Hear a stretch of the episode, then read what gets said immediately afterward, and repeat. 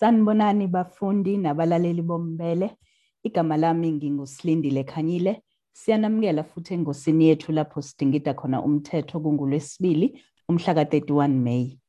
Izakhamuzi zasemdloti sezivuke umbhejazane zisola inkampani ebiyakha endaweni iDevmco Group ngokuba budedengu endleleni eyakhe ngayo emva kokubhidlika kwezindlu ngenxa yezikhukhula. Lezi zakhamizi ezike zabhikisha nasemgwaqweni zikhale nangokuthi okunye okwenze indawo yazo yaguguleka kalula ukuthi kwasiphulwa izihlahla eziningi ngesikhathi kwakhiwa. Ukubheka lolu daba kabanzi ukhona ungoti wethu womthetho umnumzane umpumelelo zikalala wezikalala attorneys. Mnumzane Zikalala siyakubingelela futhi siyakwamukela kumbele. Ngokubingelela kakhulu bese ngibingelela ababukeli nabalaleli bombele. Mnumzane Zikalala siyazi ukuthi imvamisa ezimeni ezifana nalezi abantu babheka ukunxeshezelwa ngumshwalense. Kungabe ikhona yini indlela yokuthathela nomakhi izinyathelo zomthetho?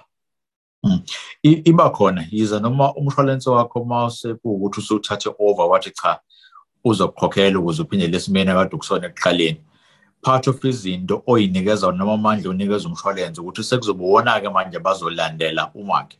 So bazobe sebethi siyayisusa-ke manje leli joka nomsebenzi ukuthi kube wona oyisa umakhe enkantolo. Ithini esizokwenza lokho? Uma sesibonile ukuthi imalini esikukhokhele yona sakwenza wena waba right. Ezinye izinto ezenza umshwalense kube ngconywana uma unawo ngoba usizo lakho usheshe ulithole awulindi uze uthole iy'xazululo ey'suke vele enkantolo noma mhlawumbe uma ngabe kuthiwa senivumelene nomakhe so uma ngabe ishwalense uzongena uzobe usuthi letha wonke amandla akade uzoba nawo ukuze ukwazi ukuyosuwisha lapho noma umisa enkantolo thina sokwenzela konke sikubuyisele esimeni sakho kade uyisona inhlekelelo engakenzeki emva kwaloko sekuphelile kwakho okunye nokunye okulandelayo kube sekuphethwe umshwalense wena uyobe ungasangeni indawo Njengoba siyaye sibone ukuthi umthetho uyaye uhambe ngonyawo lonwabo. Kungabe kuwumqondo omuhle yini noma ophusile yini ukuya enkantolo? Kudependa kakhulu esekutheni into osuke uyifuna. Into esuke ibe khona ukuthi kuhle ukuhlala enkantolo khona uzomkhombisa lowo muntu omisa enkantolo ukuthi cha ngiserious ngalento engifuna ukuthi ayenzeke futhi ngiyafuna ukuthi ulibone iphutha lakho bese uyangikhokhela. Okunye kuzobe sukuba khona ukuthi ngesikhathi inkantolo mhlambe usuku lokuthi icala lihlale lingakafiki ungenzeka kube sikhona i-agreement lesi sibiza ukuthi out of court settlement la zobe senihlale khona nathi cha angingabe lelo daba selidila ngokuthi siyahamba siye enkantolo ake siyikhulumele thina singaphandle kwasenkantolo sibone ukuthi singafika kanjani esixazululweni. Nansi into kodwa efanele uyigade uma ngabe kuthiwa uyahamba khona udaba lakho lusenkantolo. Elokuthi lo muntu umusa khona enkantolo unawo yini amandla nemali ukuthi akwazi ukuthi akukhokhele? Yebo ungamusa enkantolo lifike lizokala udaba lakho nestori sakho ukuthi sithini. Kubonakale ngempela futhi ukuthi wena o-right nokufanele kufanele ngabe uwena uthola isinxephezelo. Kodwa uthola ukuthi uma usuyitholile leyo order yakho umuntu okuyena afanele uthole imali kuyena ubuye uzokutshela ukuthi imali anginayo noma in the case of inkampani izothi cha si-bankrupt asenazo iy'mali sibakhokhela abantu ama-directors ethu akahlangeni nento esuke yenzeka la ngoba lento esiyibiza ukuthi i-liability noma i-identity ayifani. Noma kuwukuthi wena bayimele ngokwenkampani abahlangene nomuntu okuthiwa uyena noma uphatha leyo nkampani. Bezothola ukuthi emva komsebenzi omngaka usuwenzile awuyitholi into akade uyifuna. Into ade uyifuna kade kuwukuthi ngifuna ukuphindisela esimeni sempilo engadinga ukusona ingakenzeki lobo budedengu engikuthathele ngabuyisa enkantolo for bona. Yiwo kubalulekile ukuthi before siyongena lapha enkantolo ake senele kuthiwa i-due diligence. La sosi-track-a khona ukuthi lo muntu esimusa enkantolo ngabe unayo imali yokuthi asikhokhele? Uzoba nayo nama-resources ukuthi asithathe sizofika ekugcineni sithole i-compensation esiyidingayo if kukhona konke lokho asihambeni senkantolo bese siyabona ukuthi eziphi indlela esokwazi siwine ngazo.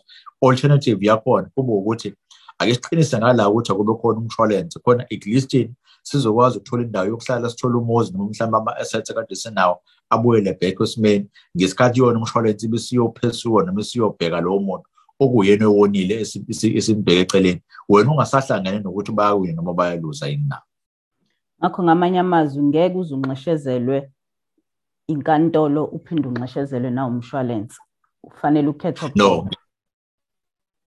uqinisile impela lapho. Kufanele kuba kodwa zokukhetha ngoba bazobe sebethi cha phela wena usulento siyibiza ngokuthi unjustified enrichment. Usuthola ngala waphinda wathola ngala. Awusaphindisele kulesi simo kade ukusona inhlekelele engakenzeki. In fact isimo uzobe usukusona sobe sesingcono ngoba uzobe usunikezwe ngala wabo siyafika nomunye wabe siyakwazi ukuthi akunikeze. Kodwa into ekwazi ukuthi ibe khona ile uzothola ukuthi if nginomshwalense umshwalense wami bese ngikhokha i-excess ngingakwazi ukuthi still ngiqhubeke ngiyofuna le excess engiyikhokhile kodwa ugadeke lapho. Awufuni imali engaphezulu kwale oyidingayo ukuze uphinde lesimeni sakho kade ukusona ekuqaleni. Ufuna imali ekuyiyona ephuma ephaketheni lakho ukuze kufikise lapho kuleso simo inkantolo ezobona kuwu-just noma kunobulungisa ukuthi ufike kusona. So ungakwazi ukuyofuna i-excess oyikhokhile kulo muntu kuwukuthi eh uyena kade uyena kade onile yize noma insurance uyikhokhile kodwa ngeke uze uyithole imali engaphezulu okuchaza ukuthi akufanele kubonakala ukuthi khona inzuzo eyenzile ngenhlekelele evelile noma ekwenzakalele Mnumzane Zikalala njenganjalo siyabonga kakhulu ngesikhathi sakho. Kubonga mina kakhulu nibe nosuku oluhle. Lowo bekungumnumzane umpumelelo Zikalala wezikalala Attorneys siyabonga.